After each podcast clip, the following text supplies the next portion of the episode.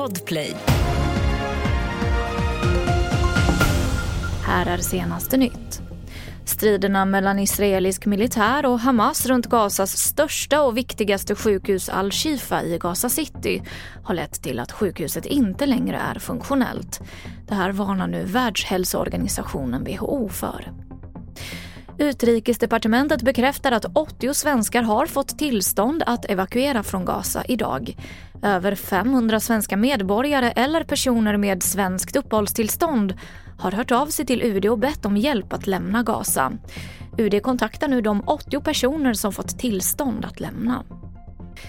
Och kritiken mot att det inte går att ha rökförbud i bostäder och på balkonger växer.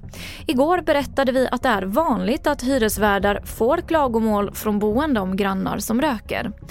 Astma och allergiförbundet kräver en lagskärpning och nu instämmer även fastighetsägarna i kritiken.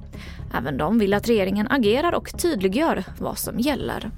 Idag får du röka i din lägenhet, du får röka på din balkong. Däremot inte på ett sådant sätt att du stör andra grannar. Men var den där gränsen går, det är fortfarande väldigt, väldigt otydligt.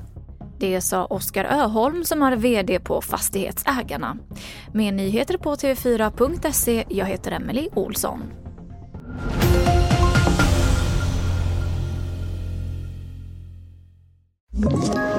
Ett poddtips från Podplay. I podden Något Kaiko garanterar östgötarna Brutti och jag, Davva, dig en stor dos skratt. Där följer jag pladask för köttätandet igen. Man är lite som en jävla vampyr. Man har fått lite blodsmak och då måste man ha mer. Udda spaningar, fängslande anekdoter och en och annan arg rant.